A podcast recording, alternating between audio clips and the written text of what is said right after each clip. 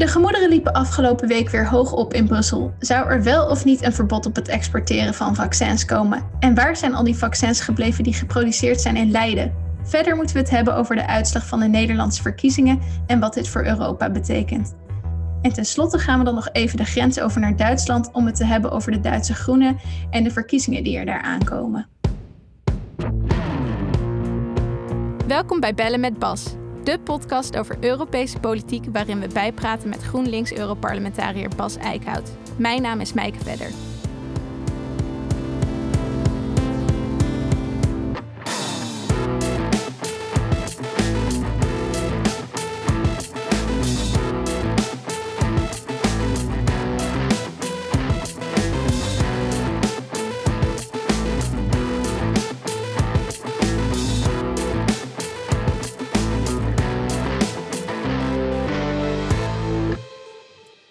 Eh, hoe is het? Ja, goeiedag. Eh, ja, goed. Eh, het, is, het is inderdaad een interessante periode. Lekker muziekje ook trouwens. Ja, Eh, ja gebaseerd op jouw, eh, jouw muziekvoorkeuren. ah, oké. Oké, interessant. Dus ze hebben mijn, mijn album top 15 Ja, ze hebben gekeken naar je top albums top 15 en daar geïnspireerd op is deze, deze Oh. intro gemaakt. Nou ja, ik, ik, zat wel, ik zat wel mee te bewegen. Dus, Heel ja. goed. En je bent nu in Brussel. Ja, ja, ja, ja, ja, we zitten vlak voor Pasen nu. Dus ja. ja. Leuk. Ehm, ja, we hebben veel eh, om het over te hebben, dus laten we maar meteen eh, beginnen. Het eerste onderwerp ehm, waar ik je naar wil vragen is het exportverbod, waar het afgelopen week heel veel over ging. Het zit namelijk zo, er was heel veel te doen over het wel of niet instellen van zo'n Europees exportverbod. Ehm, de commissievoorzitter von der Leyen die dreigde de export van vaccins geproduceerd in Europa naar het Verenigd Koninkrijk tegen te houden. Uh, want in het Verenigd Koninkrijk is namelijk al 45% van de inwoners ingeënt. Of tenminste gedeeltelijk. Die hebben al één prik gehad. Uh, en in Europa is het gemiddelde 14%. Um, ja, hoe komt het nou eigenlijk dat die Britten zoveel sneller vaccineren? Hebben ze nou echt een betere deal gesloten met die vaccinproducenten? Nou, er spelen volgens mij een hele hoop zaken tegelijkertijd. Ja. Uh, en, en, en dat maakt het debat natuurlijk ook uh, super gevoelig, omdat um, ja, de Britten, ik zou bijna zeggen, de Britten zijn ook nog wel heel erg geobsedeerd met uh, de Brexit en de EU. Dus in alles willen ze laten zien dat ze nu verlost van de EU ineens allerlei dingen beter kunnen doen. En nou ja, en wat, wat is mooier om dat te bewijzen als de vaccinatie. Dus de, er is een soort wedstrijdelement in gecreëerd wat totaal niet behulpzaam is. Ik bedoel, uiteindelijk moet de hele wereld gevaccineerd worden. Dus ja, dit is de wedstrijd tussen de nummers 2 en 3 ongeveer. Maar uh, ja, wat hebben we daar precies aan? Uh, maar ja, wat de Britten beter doen, of tenminste uh, waar de Britten gewoon explicieter in hebben gekozen, is ten eerste, uh, ze hebben veel meer op één paard gewet dan, dan Europa. Nee, Europa ja. heeft uiteindelijk contracten met verschillende uh, farmaceuten gesloten. De Britten hebben heel erg sterk op AstraZeneca ingezet, al heel vroeg. Uh, en AstraZeneca is ontwikkeld op Oxford University. Dus ze hebben ook daar uh, bij al meteen uh, geld besteed hm. aan die Oxford University. Uh, ja, dat, dat, dat is een keus die goed uitpakt, omdat AstraZeneca zo vroeg was uiteindelijk. Maar dat, dat was natuurlijk een gok. Stel je even voor dat AstraZeneca langzamer was geweest, hadden we een heel ander verhaal gehad. Dus dat is, dat is wat meer een gok geweest, maar die gewoon goed uitpakt. Wat de Britten dan ook voor kiezen, is om veel meer met één prik te werken. En dus eigenlijk een risico te nemen uh, tussen de eerste en de tweede prik, door die echt veel langer te laten duren. Hm. Dat wordt nu wel wat spannend voor de Britten, omdat ze nu dreigen tegen tekorten aan te gaan lopen. En ja, moet je toch echt wel een beetje de tweede prik gaan zetten her en der. Um, dus ze nemen hier ook een extra risico, waarin je ook weer ziet dat Europa. Ja, Europa is gewoon altijd wat, wat risicomijdend. Ja, dat kun je fijn vinden of niet, maar Europa is gewoon risicomijdender. Dat zag je ook weer toen er op een gegeven moment wat onzekerheid kwam. Is AstraZeneca veilig of niet? Ineens heel veel landen, en mind you, niet de EU. Hè, in Brussel zei men, het is veilig, ga door. Maar toch heel veel landen stopten ermee, ook Nederland. Uh, dat heeft weer extra vertraging opgeleverd. Dus ook hier zaten uh, ja, uh, de Britten nemen dus ook gewoon wat meer risico. Vervolgens hebben ze ook wat meer risico genomen door het medicijn sneller toe te laten op de markt, al in december. Terwijl de EU ervoor koos om wel het Europees Medicijnagentschap de hele analyse te laten doen. Daar win je gewoon een paar weken mee. En een paar weken doen gewoon veel, zeker in dit stadium. Uh, dus dat, en dan denk ik ook gewoon dat de Britten, laten we wel wezen bij het uitrollen, als je kijkt naar nou ja, het geklungel van Nederland, mm ja, denk ik ook gewoon dat gewoon puur in de logistiek de Britten hier een betere, nou ja, soort van oorlogsoperatie van maken. Dat alles bij elkaar maakt de verschillen nu visueel heel groot. Ik denk dat, dat het in de praktijk hebben het over een aantal weken.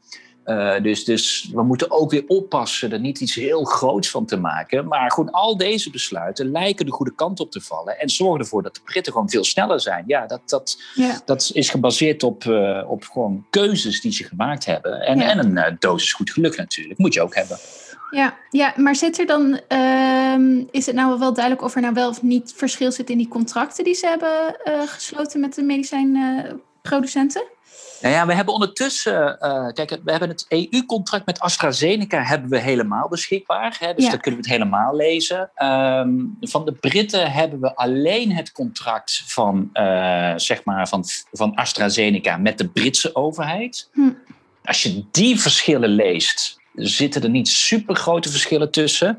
Um, maar waar AstraZeneca mee schermt, en ook de Britten zelf, is ja, maar er is daarvoor al een contract gesloten tussen Oxford University en de Britse overheid. En dat was in het echt in februari of iets dergelijks, al februari vorig jaar. Ja. En daar claimen de Britten dat zij echt een exclusiviteitsclausule hebben. Met andere woorden, dat in dat contract staat dat ja, wat AstraZeneca produceert, en zeker op Britse gronden, en er zijn twee fabrieken die voor AstraZeneca produceren, dat die eerst naar de Britten gaan voordat het naar anderen gaat. Nou, die exclusiviteitsclausule staat zeker niet in het Europese contract. Hè. Daar is het een inspanningsverplichting. En ja, als dat verschil er echt zit, ja, dan heb je het ook wel echt in een, contractueel verschil. Dat als er vertragingen in de productie komen bij AstraZeneca, dat AstraZeneca dan een keuze maakt om eerder aan de Britten te leveren dan aan de Europeanen. Dus daar lijkt ook nog een verschil te zijn, absoluut. Oké, eh, duidelijk. En dan was er nog in het bijzonder ophef over de Leidse medicijnproducent Halix. Um, die produceert namelijk vaccins voor AstraZeneca. Maar het is toch steeds een raadsel waar die vaccins eigenlijk terechtkomen. Um, dat leidde nogal tot wat irritatie uh, afgelopen week. Ursula von der Leyen die zei dat er uh, daarom zo nodig een exportverbod ingevoerd moest worden om te voorkomen dat die vaccins die daar geproduceerd um, worden naar Londen zouden gaan. En daar reageerde Boris Johnson ook weer op en daar gaan we even naar luisteren. I don't think that blockades of, uh, of either vaccines or of um, uh, medicines or of, of, of, ingredients for vaccines are, are, sensible. And I think that the long term uh, damage done uh, by blockades can be, uh, can be very considerable. I would just, I, I would just um, uh, gently point out to anybody considering uh, a blockade and, or an interruption of, of supply chains that uh, companies uh, may uh, look at such actions and, and, and, draw conclusions about, about whether or not it is sensible to make, to make future investments in, in countries where you know, arbitrary blockades are, are imposed. Ja, hij, hij noemt een exportverbod niet sensible, oftewel niet verstandig. Want volgens hem zal het er ook toe leiden dat bedrijven niet meer willen investeren in Europese landen die ja, volgens hem willekeurige exportbeperkingen opleggen. Uh, ben, ben, je het daarmee eens? Is zo'n uh, verbod inderdaad een slecht idee? nou, moet ik wel zeggen dat Boris Johnson een, een gigantisch uh, berg boter op zijn hoofd heeft. Hm. Ik bedoel, als de Britten een exclusiviteitscontract hebben, betekent dat dat de fabrieken in Groot-Brittannië eerst voor de Britten gaan produceren voordat er een export komt. Dan kun je zeggen dat is geen exportverbod, hè? maar dat begint wel een heel erg semantische discussie te worden. Want de facto is het effect hetzelfde en dat zien we nu ook. Er worden geen vaccins uit het Verenigd Koninkrijk naar de rest van de wereld geëxporteerd. Het aantal exporten van vaccins uit, uit het Verenigd Koninkrijk is nul. En dan moet ik ook zeggen dat de Europeanen hebben op dit moment geen exportverbod. Hè? Ik bedoel, er liggen allerlei mechanismen, daar gaan we het zo nog wel even over hebben, wat dat precies betekent. Maar er is nog geen exportverbod. Hè? De laatste getallen laten zien dat, dat de Europeanen uh, wat, uh, ongeveer bijna 80 miljoen vaccins hebben geëxporteerd, waaronder 20 miljoen naar het Verenigd Koninkrijk. Dat is vooral BioNTech Pfizer, dus helemaal niet mhm. AstraZeneca. Uh, dus, dus, uh, dus, dus een andere leverancier. Maar uh, de EU is wel aan het kijken van ja, kunnen we niet strikter worden? En dan ben ik het met Boris Johnson eens. een exportverbod is echt heel dom.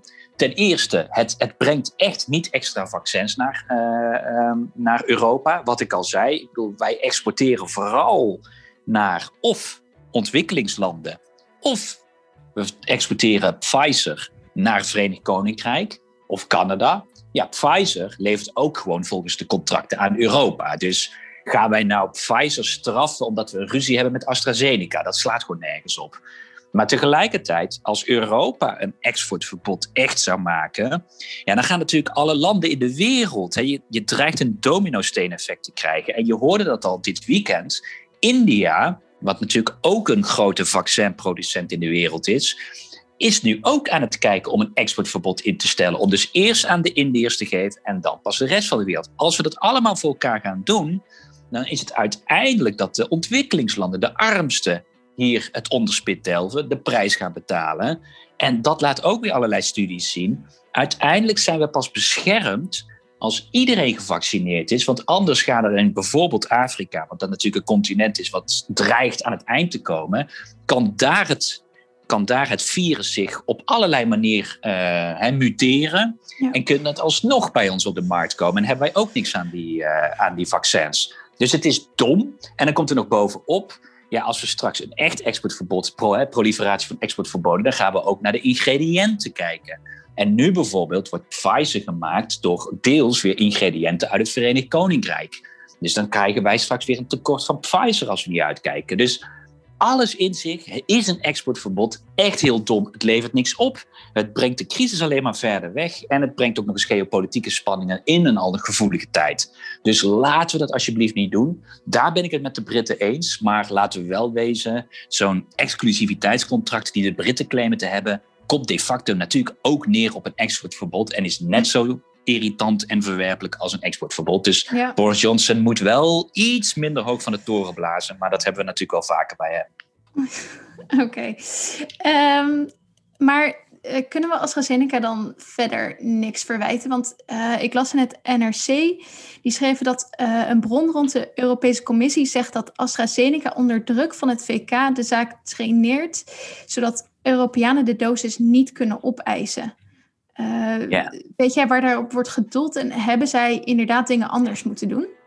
Nou ja, dat, dit verhaal heeft natuurlijk met die Halix-fabriek in Leiden te maken. Die, die hebben vrij laat, is in ieder geval de perceptie, vrij laat aangevraagd. Want het was eerst eigenlijk meer een testsite.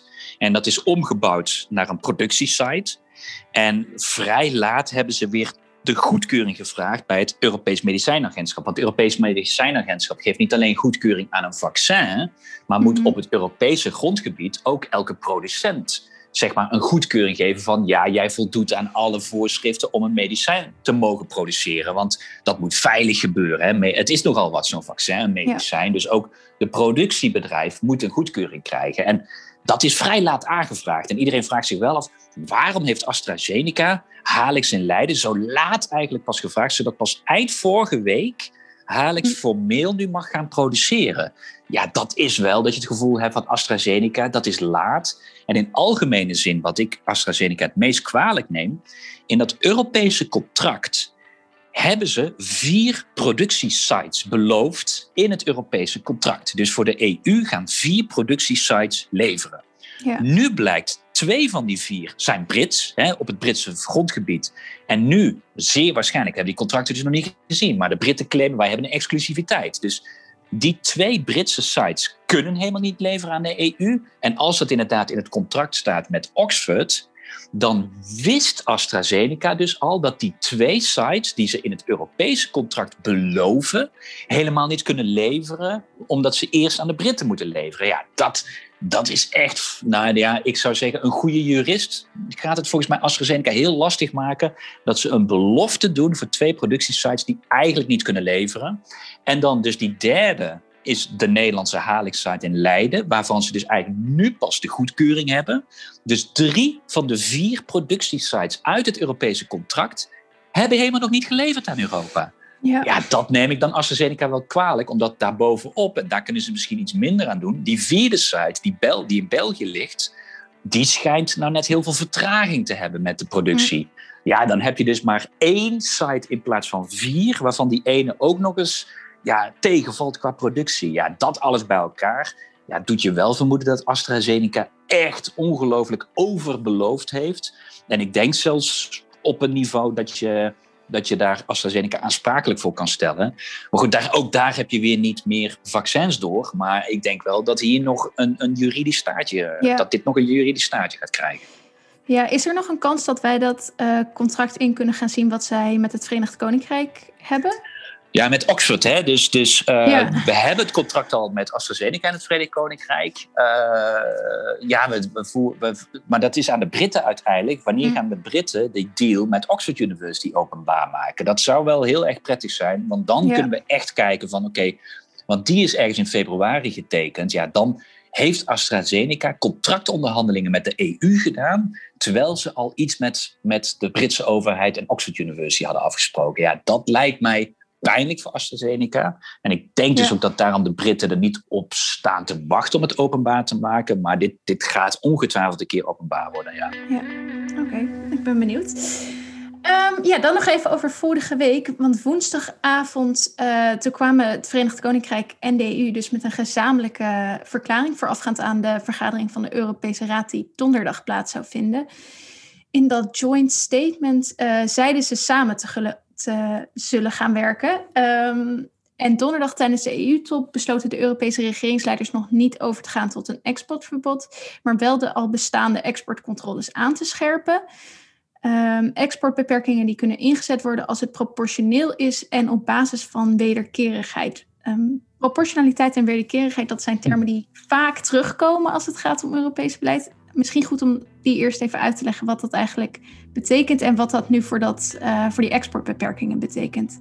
Ja, ja dus, dus en even voor de volledigheid, dit is gewoon wat de commissie voorstelde. Hè? Dus de regeringsleiders mm -hmm. hebben donderdag aangenomen wat de commissie heeft voorgesteld. Dus er werd wel over exportverbod, maar dat was niet formeel het voorstel. En de regeringsleiders hebben gewoon de handtekening gezet. Ze hebben geen letter veranderd aan, aan wat de, de Europese Commissie heeft voorgesteld. En daar zit inderdaad proportionaliteit en wederkerigheid. Um, proportionaliteit uh, gaat er eigenlijk over dat er een, een, een nou, er moet een, een redelijke verhouding zijn tussen het doel en het middel dat je inzet. Dus uh, je kan iemand heel erg zwaar straffen.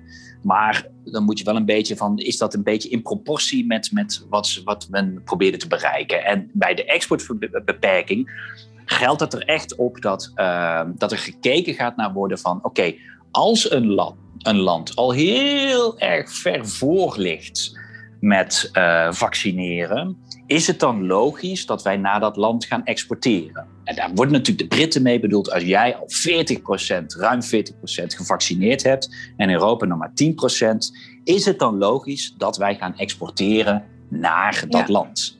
Nou, dat is de, de, de proportionaliteit.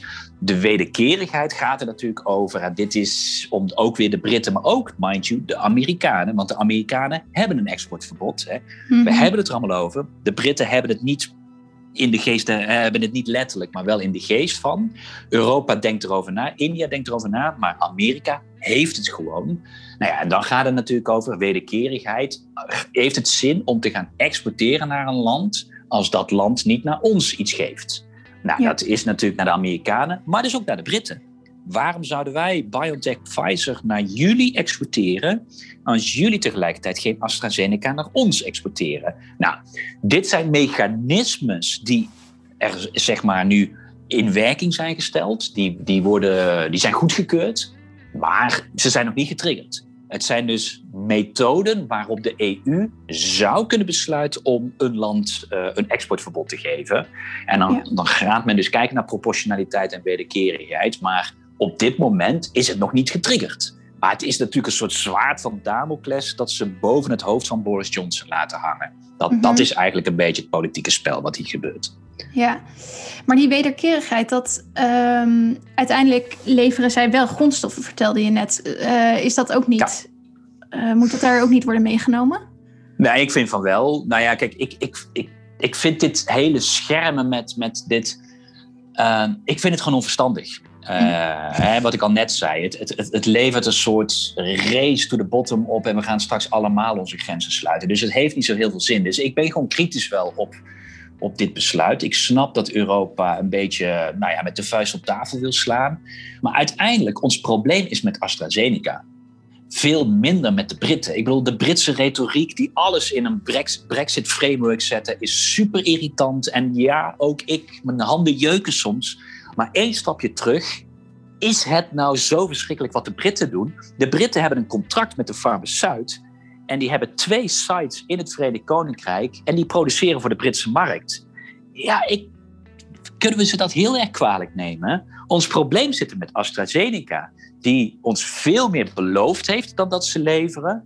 Plus, uh, ja, wat, wat gaat er met die Nederlandse fabriek gebeuren? Ja. Nou ja, als daar Europa zegt, nou voorlopig vinden wij dat Halex voor de Europese markt moet gaan produceren. Ja, ik denk, ik denk dat zo'n soort deal met de Britten te sluiten valt. En dan is er een hele hoop kou uit de lucht. En, en is het maar de vraag of je nou dit soort dreigementen nodig had. Het is, hm. het is, het is maar allemaal iets te veel stoerdoenerij. Terwijl we volgens mij ons hoofd koel cool moeten houden. Omdat we nog een hele wereld te vaccineren hebben. Dus ik ben er nog steeds kritisch op. Ja, en wat, wat zouden we dan verder nog kunnen doen naast die exportbeperking? Of anders dan exportbeperking, waardoor uh, het vaccinatietempo dus wel opgevoerd kan worden? Nou, ik denk dus dat, uh, dat Europa echt veel meer het gevecht met AstraZeneca. Ze hebben op ja. zich ook vorige week hebben ze, een, uh, hebben ze een eerste juridische notificatie naar AstraZeneca gestuurd van pas op, wij zijn naar juridische stappen aan het overwegen. Ik denk dat dat een vuist op tafel is die gewoon heel nodig is, omdat AstraZeneca alle schijn tegen heeft, is dat ze hier echt uh, in ieder geval in hun contract allerlei dingen niet kunnen waarmaken. Dus dat vind ik een, een belangrijk. Ik vind inderdaad dat je wat strikter Halix Leiden kan zorgen van hou nou eens bij wat Leiden gaat, precies gaat produceren. Want dat is totaal onduidelijk nog steeds. Hè? Wat Halix nou mm-hmm. precies produceert, hoeveel. Ja, daar moeten we veel meer helderheid van AstraZeneca krijgen. En daar moet je op uh, inzetten. En verder, naar buiten toe. We moeten veel meer inzetten op kennis delen, het opheffen van patenten en zorgen dat de farmaceutische bedrijven niet langer op, op zeg maar die schaarste. Zij, zij beheersen de schaarste van de vaccins en kunnen daarmee landen tegen elkaar uitspelen. We moeten dat spel van de farmaceuten niet meespelen. We moeten, we moeten heel duidelijk maken dat wij nu niet de baas zijn en dat de farmaceuten sowieso ongelooflijk veel geld hebben gekregen voor de hele ontwikkeling van het, van het medicijn. Plus de productie hebben ze ook weer steun voor gekregen. Dus we zitten ze al heel veel subsidies te geven en vervolgens gaan straks de winsten dat is overigens nog steeds AstraZeneca is een van de weinigen die heeft gezegd we gaan voorlopig geen winst boeken, zolang het de mhm. pandemie officieel is. Daarna dus wel, hè, mind you. Um, dus ga nou eens veel meer erop zetten van jongens, breek die patenten, want er moet wereldwijd productie komen. Delen van die patenten en zorgen dat de productie wereldwijd omhoog kan. En ja, mijn gevecht zit veel meer met de farmaceutische industrie dan met de Britten. Hoe irritant de Britten in hun retoriek ook kunnen zijn, ons gevecht is echt met de farmaceuten. En daar moeten we die monopolie op kennis en patenten moeten we breken. Ja, oké. Eh, nou, volgens mij is deze strijd nog lang niet uh, gestreden. Dus we zullen er ongetwijfeld nog, uh, nog op terugkomen. Ja, maar ook hier geldt wel, als we gaan kijken over drie maanden. En ik snap het, ik zelf word ook tering oh, ongeduldig. Ik wil er ook uit. Mhm. Maar over drie maanden, zeer waarschijnlijk, hebben we de eerste ja. schaarste achter de rug en hebben het echt al over een andere wereld. En dan hebben we dus een probleem met de rest van de wereld. En als je dan kijkt, in anderhalf jaar tijd hebben wij dan een groot deel van de Nederlander en de Europeaan gevaccineerd op iets waar we anderhalf jaar geleden nog niet eens van wisten. Ja. Ja, in dat perspectief gaan we echt nog steeds snel. Dus, dus hoe frustrerend en irritant het allemaal ook is, stapje terug. Uh, in juni, juli hebben we het echt overal weer een hele andere situatie. En is ons grootste probleem de wereldwijde vaccinatie. En niet zozeer onze vaccinatie. Dus een beetje oog op de bal houden en de lange termijn. Ja, dus licht aan het einde van de tunnel. zeker. Voor ons, maar nog niet voor de rest van de wereld. Nee. Ja. Um, nou, dan gaan we nu door naar iets, uh, ja, toch iets minder leuks. Uh, de Nederlandse verkiezingen. Hmm. Ben jij uh, zelf wel een beetje over de teleurstelling heen? Ehm, nou, eerlijk gezegd nog niet helemaal natuurlijk. Ik bedoel, nee. ja, de, de, klap was je voelde wel aankomen. Hè? Gedurende zo'n campagne voel je gewoon van hè, de, de flow zit er niet. Um, hè? Dat is toch iets, iets fascinerends in campagnetijd, waarin op een gegeven moment hè, dat vermaarde kreet, de vermaarde kreet momentum. Uh, Dat bestaat gewoon en dat momentum was vier jaar geleden bij ons. En dat zag je gewoon dat dat dit keer niet lukte. En dat was frustrerend. Van, het lukt niet. Ik ben heel blij dat we geen rare sprong hebben gemaakt. Hè. Dat wil je nog wel eens in paniek dan. Nou, we mhm. moeten iets gaan doen om het toch onze kant op te laten. Nee, dat, dat moet je niet doen, want dat werkt alleen maar averechts. Ik denk dat CDA erover mee kan praten. Um, uh, dus, dus cool blijven. Maar ja, dan is de klap op de verkiezingsavond... ja, was wel echt groter dan verwacht. En, en ja, uit analyses blijkt wel dat er gewoon veel last minute uh, swing is gegaan naar D66 in plaats van naar ons. Ja, dat, dat, dat is frustrerend. Uh, dat doet pijn, omdat we hele goede Kamerleden daardoor verliezen. Maar goed, ja, dat is politiek en, en, is uiteindelijk een mooie winst voor D66. Ja, ja, ja we kunnen er het uh, uitgebreid over hebben. Maar waar ik het vooral even over wil hebben, is wat dit nou gaat betekenen voor Europa. Uh, en in mhm. die zin is de winst van D66 denk ik ook wel interessant. Want uh, de Financial Times die schreef al over de Nederlandse verkiezingsuitslag dat het succes van uh, Kaag bewijst dat je sterk maken voor Europa niet altijd een route is naar politieke mhm. doel. ik denk fijn voor ons om te horen, maar laten deze verkiezingen volgens jou ook zien dat je kiezers wel degelijk op een sterke pro-Europese boodschap zitten te wachten. Ja, en dan kun je natuurlijk nog zeggen dat Volt heeft gewonnen. Dus, dus in die zin uh, is de Europese boodschap beloond. Um, ik denk dat het iets te veel een, een, een analyse van een buitenstaander is. Uh, we proberen natuurlijk alles te lezen in de uitslag. Terwijl eigenlijk zijn dit gewoon toch wat iets banalere keuzes die door last minute worden gemaakt. Waardoor de zetels een bepaalde kant op gaan. Uh, ik denk wat het wel aantoont, en dat vind ik wel belangrijk. Hè, er is natuurlijk heel lang door politici met name het beeld, ja, we moeten het niet over Europa hebben, want dat schrikt af. Ja, dat is toch wel aantoonbare onzin. Ik bedoel, ik denk niet dat je dat Kaag gewonnen heeft omdat ze pro-Europese boodschap heeft. Ik denk dat dat iets te veel wishful thinking is. Mm Maar het heeft niet afgeschrikt. En het blijkt dus gewoon veel minder een afschrikwekkend iets te zijn voor kiezers dan we soms als idee hadden. Als je de Tweede Kamer hoort over Europa, dan is dat iets vies en funzigs bijna. Daar moeten we het niet over hebben. En dan daarbovenop ja. media die dan ook, ja, als we het over Europa hebben, dan zet men weg ja jongens, volgens mij is dat ook weer echt een misvatting. En kunnen we het er echt wel meer over hebben. Dan denk ik niet dat in één keer heel Nederland pro-Europees gaat stemmen. Maar ik denk dat deze verkiezing wel aantoont dat we gewoon wat normaler over Europa kunnen spreken. In plaats van het, het te behandelen als een soort hygiëneonderwerp. Ik denk dat dat, uh, dat dat het mooie is aan deze verkiezingsuitslag. Ja, nou, fijn. Dan gaan wij daar in ieder geval uh, gewoon rustig mee door. Ja, ik ga er niet meer of minder over Europa nee. praten. Dat, uh, dat, dat, dat ben ik niet tegen te ja. houden, vrees ik. Ja. Nee. Um, ja, en dan even over Rutte. Die is de afgelopen jaren niet altijd uh, even populair geweest in Brussel. Hij was vaak een dwarsligger, helemaal als het ging om de Europese begroting. Uh, zo dreigde afgelopen zomer nog de onderhandelingen, uh, die dreigden stil te komen te liggen uh, door zijn zuinige houding.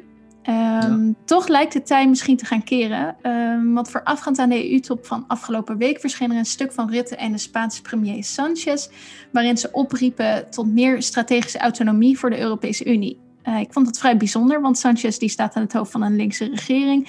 En Rutte is normaal ook niet de eerste om voor meer Europa te pleiten. Uh, ja, zag jij dat ook als. als misschien een verandering in zijn denkwijze? Denk je dat, dat de regeringsleiders een andere Rutte gaan zien de komende vier jaar? Ik weet het niet, ik weet het niet. Ik bedoel, Rutte zwal ik nogal hè, op hm. Europa. Uh, hij heeft ook de vorige periode heeft hij gloedvolle presentaties gehouden, meestal buiten Nederland, over Europa. Uh, en, en dat waren speeches dat je denkt, ha, een kentering in het denken van Rutte. Hè? Dat waren ook analyses van een nieuwe Rutte staat op. Is volgens mij nog voorpagina nieuws geweest. En vervolgens ging het weer over het budget. En had je de koedelt uh, Rutte, die gewoon weer, uh, ja, lijkt niets geleerd te hebben van elke andere crisis hiervoor. Dus, dus Rutte is, ja, het, het, het, is nogal een zwalker op de Europese koers. Het is zeker wel interessant, die brief die hij met Sanchez heeft gedaan.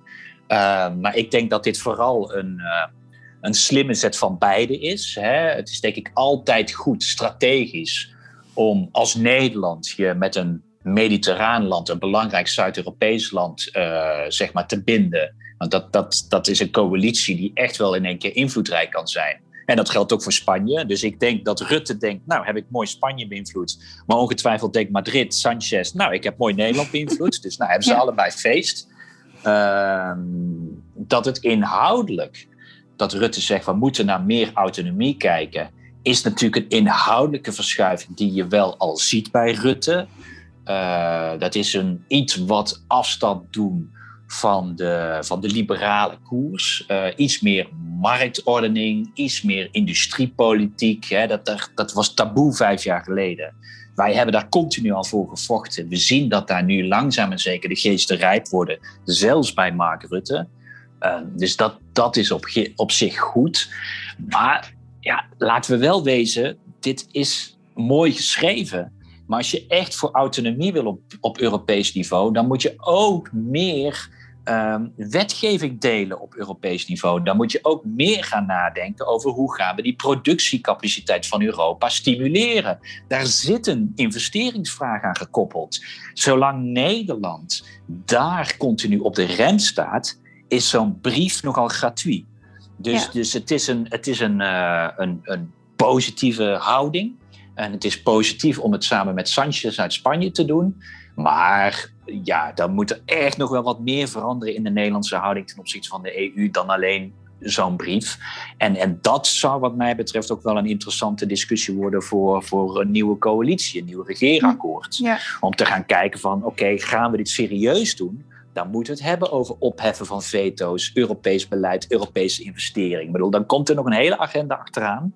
Ja, daar heb ik Rutte nog wat minder op gehoord. Dus ik zie het vooral als een interessante openingsset. Ja, waarin, het nog, waarin het nog niet duidelijk is welke koers het daarna wordt. En als het dezelfde zwalkende Rutte-koers blijft, ja, was dit gewoon een van de vele brieven die op de, het, de vaatbelt van de historie gaat uh, belanden.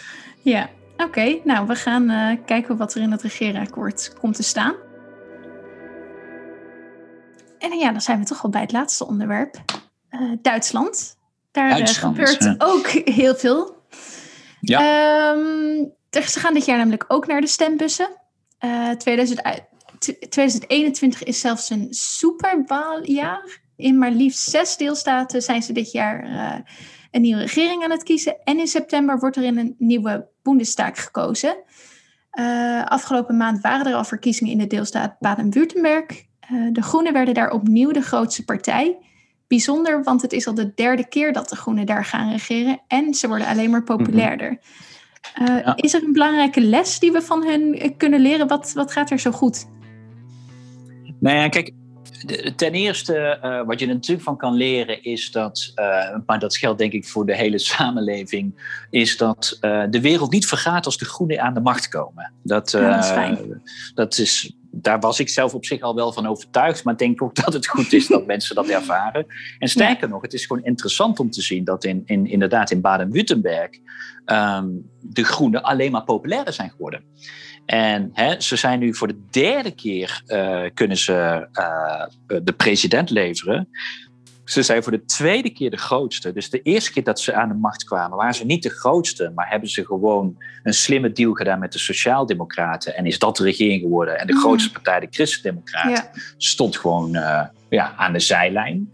Maar dan zou je denken, nou, dat was, een, dat was een gok. Dat was het ook. Maar uiteindelijk zijn ze daarvoor beloond. De Groenen zijn daarvoor beloond, waren daarna wel de grootste. Alleen de Sociaaldemocraten kregen zo'n klap dat ze alsnog met de, in de tweede termijn met de Christendemocraten, dat was het eerste zwart-groene, uh, in Duitsland, in Baden-Württemberg. En daar zijn ze nu ook wederom voor beloond. En de Groenen stijgen en de Christendemocraten dalen. Dus nu zijn ze zelfs heel duidelijk de grootste in Baden-Württemberg. Dus ja, dat laat wel zien dat, dat de Groenen uh, aan de macht zelfs een verdere basis kunnen uitbouwen. Uh, ja, dat, dat, ja, dat is soms wel jaloersmakend om te zien natuurlijk. Dat dat in de Duitse context, dat we die kans krijgen. Um, en dat, we die, dat, dat, dat je wel dat vertrouwen kan uitbouwen. En ja, dat is natuurlijk ook wel een stap die, uh, waar we aan toe zijn in Nederland. Ja, um, maar nou hoorde ik ook wel dat de Groenen in Baden-Württemberg onder leiding van Winfried Kretschmann heet hij, dat zij misschien ook niet de meest groene groenen zijn omdat hij zich ook heeft uitgesproken voor de verbrandingsmotor. Uh, dat helpt misschien in het hart van de Duitse auto-industrie. Uh, zijn er concrete dingen die daar uh, de regeren van de Groenen heeft opgeleverd? Nou, het klopt wel. Kijk, Kretschmann, hè, de minister-president, is, is, een, is een het is een bijzondere groene. Het is, uh, het is ook een, een groene die heel erg gecampaign he, gecampaigned heeft, met name de vorige niet eens in deze campagne, maar zeker vier jaar geleden, op uh, die Heimat. Mm. Wat natuurlijk uh, ja, interessant is. Wat hij heeft gedaan. Want de Groenen zijn niet zo geneigd. Zeker niet in Duitsland. Hè, want dat ruikt naar nationalisme. Dat is in Duitsland uh, nogal een snel een vies woord. Kan je uitleggen wat, wat het betekent? Is er een Heimat is alternatief gewoon, voor? Uh, ja, je, je vaderland eigenlijk. Alleen de Heimat heeft ook iets, iets huiselijks. Het is een mooi Duits woord eigenlijk, wat we in het Nederlands niet hebben. Het is, het is het is in principe gewoon je, je, je moederland, maar het heeft ook mm -hmm. iets uh, cultureels in zich, hè, het huiselijke. Ja. En, en dat is wel echt wat Kretschmann weet te brengen. Hij heeft eigenlijk de groene politiek heeft hij mainstream gemaakt en juist ook wel met een soort trots op, op je omgeving uh, meegegeven. Uh, je, je zou het heel vies kunnen zeggen, bij, bij nationalistisch sausje, dat is echt, dat doe je hem tekort mee. Ja, ik vind echt dat hij okay. daar een hele interessante campagne op gevoerd heeft. En dat maakt hem bijzonder. Ik vind dat hij op de auto-industrie, uh, ja, daar zit Mercedes-Benz, dat is, uh, zit, Stuttgart is de hoofdstad van Baden-Württemberg en dat is ook de hoofdstad van Mercedes-Benz. Ik vind dat Kretschmann op de auto-industrie wel echt te conservatief is geweest. En, en daar heeft hij ook heel veel interne kritiek op gekregen. Dus dat blijft een gevecht met de Duitse Groenen.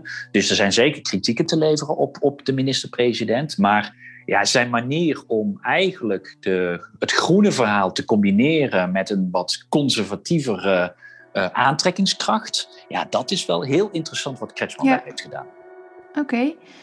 Uh, en dat linkt dan misschien wel goed ook nu aan het nationale verhaal uh, in Duitsland. Want daar doen uh, de Groenen het ook erg goed. aan het begin van de coronacrisis een jaar geleden, toen ging het CDU, de Christendemocraten, die gingen enorm omhoog in de peilingen. Ja. Groenen iets omlaag, maar sinds februari zien we een omgekeerde trend.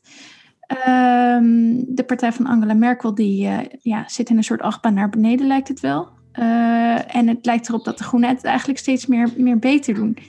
Waar, uh, ja... Waar gaat het eindigen? Wat, ja, waar, waar eindigt het? En, en ja, wat is er sinds februari gebeurd dat, uh, dat het zo is veranderd? Ja, het, ik, ik zou bijna wel zeggen, dit is echt te vroeg wat er nu gebeurt. Uh, kijk, het was natuurlijk duidelijk dat, uh, dat in Duitsland het, uh, ook het coronabeleid gigantische populariteit voor Merkel heeft veroorzaakt. Zoals in heel veel landen. Dat zagen we ook in Nederland natuurlijk. VVD ging ook omhoog. Ja. Uh, zo ook in Duitsland. En Merkel is natuurlijk gewoon, ja, ja, dat is een hele stabiele leider. En in een coronacrisistijd is dat wel heel fijn om een stabiele leider te hebben. Ik bedoel, daar kan Rutte nog heel veel van leren, zullen we maar zeggen. Uh, dus, dus Merkel heeft natuurlijk die populariteit van CDU heel in grote mate verklaard. Ja, wat is er gaan gebeuren? Ja, we zitten in 2021. Uh, het ongeduld neemt toe. Ja. Dus ook in Duitsland begint men een beetje ongeduldig te worden. Hè? De lockdown hakt erin. Men wordt kritischer naar maatregelen. Want men wordt chagrijniger. Dus, dus ja, dat onaantastbare van Merkel uh, begint een beetje eraf te gaan. Uh, daar komt natuurlijk bij, er komen verkiezingen aan. Dus, dus ja, men gaat ook wel steeds meer zien dat Merkel weggaat. Dus het Merkel-effect begint ook zo aan kracht te mm. verliezen, omdat men gewoon ziet, ja, dat is Merkel, maar wat komt er na Merkel? Nou, en dan komen natuurlijk ook bij CDU, is er in januari nogal een heel lastig congres gehouden om tot een nieuwe leider van de partij te komen. Ja. Uh, nou, dat was een richtingenstrijd binnen de partij, wat natuurlijk nooit lekker is voor kiezers, zeker niet in Duitsland waar men van stabiliteit houdt. Um, dat is uiteindelijk gewonnen door Laschet, die een beetje de typisch christendemocratische middenweg uh, uh, belichaamt. Maar ja, om heel eerlijk te zijn, zonder veel charisma. Ja. Um, dus nou, daar ziet men ook in één keer van Laschet. En die is ook nog eens minister-president in Noord-Rijn-Westfalen, wat de grootste deelstaat is, waar ook heel veel coronamoeheid uh, plaatsvindt. En daar doet men wel rare besluiten. Dus ook Laschet heeft last nu van die coronamoeheid. Plus, men ziet in hem toch niet die leider als Merkel. Dus ja, dan glijdt dat weg. En als je dan vervolgens verkiezingen hebt in Baden-Württemberg, waarin je dus ook nog eens gaat verliezen, ja, dan, Ga je, dan gaat het in versnelling komen. Je kent de politiek, ze zijn eigenlijk de controle kwijt. En op dit moment is er gewoon paniek bij het CDU. Hm. Uh, en dan heb je ook nog eens dat daarachter CSU zit. Hè? Dat is de Bayernse CDU. Ja. En daar zit nog wel een populaire leider, Zeuder. Mm -hmm. En die hoopt misschien juist de Bundeskanzlerkandidaat te worden. Want ja, want de, de partijleider is niet per se dus uh, de lijsttrekker.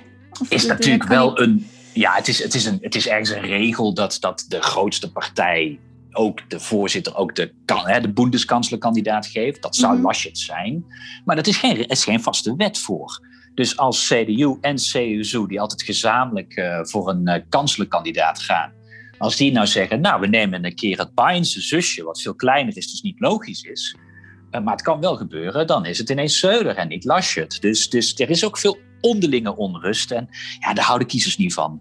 Maar het is nog lang, hè? Het is nog een half jaar. Dus in die zin, voor de Duitse groenen. Ja, voor de Duitse groenen um, is het fijn dat, dat die onaantastbaarheid van CDU aan het wegglijden is. Maar als het te hard naar beneden gaat. Ja, dan gaat er natuurlijk ook weer een tegenbeweging komen. Dat mensen denken: oh, maar wacht even, wordt dat, wat wordt dat met de groenen? Dus, dus in die zin moet, moet CDU niet te snel imploderen. Nee, oké. Um, want ik, ik begreep, want zoals het er nu uh, uitziet, zou het uh, dus een combinatie worden van de Groenen uh, en de Christen-Democraten in de regering. Ja, daar wordt natuurlijk al langer over gesproken. Zwart-groen, of als de Groenen zeggen, groen-zwart. Ik begreep dat er ook het woord kiwi wordt gebruikt om die. ja, klopt. Ja, ze zijn altijd. ja, ze zijn altijd. maar kijk, als CDU zo aan het wegzakken is, ja, wat er nu aan het opkomen is in de retoriek, is het ampel, de ampelcoalitie, oftewel oh het, het verkeerslichtcoalitie. En dat is dus uh, rood-geel-groen. En dat betekent sociaaldemocraten, liberalen en groenen. Hmm. Dan heb je eigenlijk ja, wat wij paars zouden noemen, dat noemen ze daar het verkeerslicht, het ampelcoalitie. Ja. Dat zou ook dat er straks een coalitie is zonder het CDU. Dat is natuurlijk ook aantrekkelijk voor ja. sommige mensen. En dan zijn er nog mensen die dromen van rood-rood-groen. En dan heb je het over die linken, hè, de Duitse SP en dan de Sociaaldemocraten en de Groenen. Maar dat zie ik niet gebeuren. Daar zijn, is ook links te klein voor in Duitsland. Ja. Um, dus het wordt of zwart-groen, of misschien dus uh, ja, paars, zeg maar, het Duitse paars. Uh, maar ja, dat, dat, dat is toch allemaal vrij vroeg. Maar we beginnen nu al wel een beetje te kwartetten met uh, coalities. Ja, ja. oké. Okay. Um, ja, want er ligt dus ook al een uh, voorlopig verkiezingsprogramma op tafel van de Groenen. Daar wou ik ja. het ook nog even hebben. Um, is daar al iets opgevallen? Nou, sowieso hoe dik het is. Uh, laat dat maar aan de Duitsers mm -hmm. over. Dat, die schrijven boekwerken voor verkiezingsprogramma's. Ja. Nou, wat ik interessant vind, de Duitse Groenen uh, zetten echt een onversneden EU-federalistisch uh, toon neer. Okay. Dus de EU is heel prominent en uh, gaat echt, ja, het is gewoon letterlijk federalistisch. Zo spreken ze zich hm. uit. Dus zeer pro-Europees.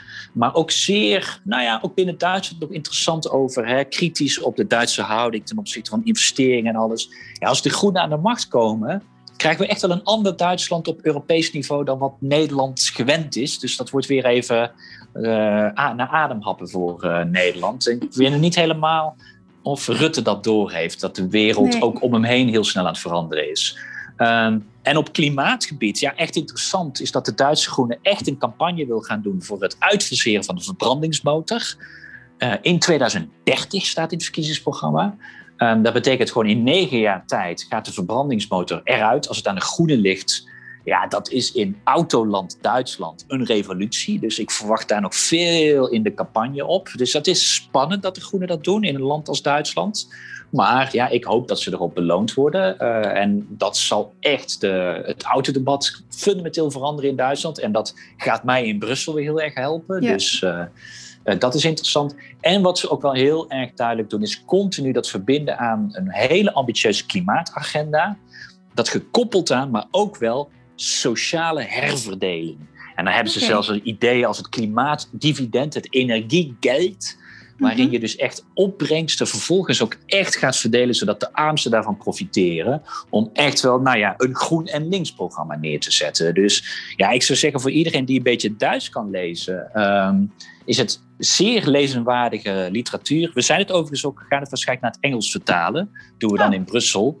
Zodat, uh, nou ja, omdat het gewoon echt wel een interessant programma is, wat, uh, ja, wat, wat, wat gewoon leidend kan gaan worden voor een nieuwe ja. Duitse regering. Ik bedoel, het is, het is zeg maar net iets belangrijker misschien dan de frivoliteiten van Donald Trump vorig jaar. Misschien, ja. Misschien. Ja, en misschien. hoeveel van deze uh, dingen die jij noemt dus terecht zou komen, dat zal dan dus denk ik ook afhangen van of ze gaan regeren, nou, of ze überhaupt gaan regeren, maar ook met, uh, met welke partij, denk ik. Precies, precies. En de verhoudingen. Word je de grootste of niet? Ja. Uh, allemaal. En, en daar echt waar, het is nog zes maanden. Er kan nog zoveel gebeuren in zes maanden. Ja. Dus in die zin proberen de Duitse Groenen ook al een beetje nu een beetje het, het, het, het, het, te, te, te begeleiden, zeg maar. Want, want als we te veel in een echte achtbaan komen wat jij zegt, dan gaan we nog heel veel flipperend beleid krijgen. Ja. Dat is in niemands belang. Dus, dus stay cool, stay cool. Oké. Okay. Um, nou ja, ik heb het idee dat ik het steeds zeg. Maar dan is dit ook iets wat we blijven volgen. En uh, wat nog uh, zeker zal blijven spelen. Dus uh, er komen Komt geen eind aan, joh. Nee, ja, nee, ja. nee. maar voor vandaag zijn we dan volgens mij doorheen. Um, heel erg bedankt, Bas. Ja, graag gedaan. Jij ook, Maaike. Dat is leuk. Ja, ja. en we spreken elkaar snel weer. Dat denk ik ook. Oké, okay. doei. Hoi. Dit was Bellen met Bas, een podcast van GroenLinks Europa en de Groenen in het Europees Parlement. We horen graag van je. Laat je reactie achter op vriendvandeshow.nl slash bellen met Bas en meld je aan voor onze Europa-update op europa.groenlinks.nl. De audiovormgeving is door Studio Cloak. Tot de volgende keer!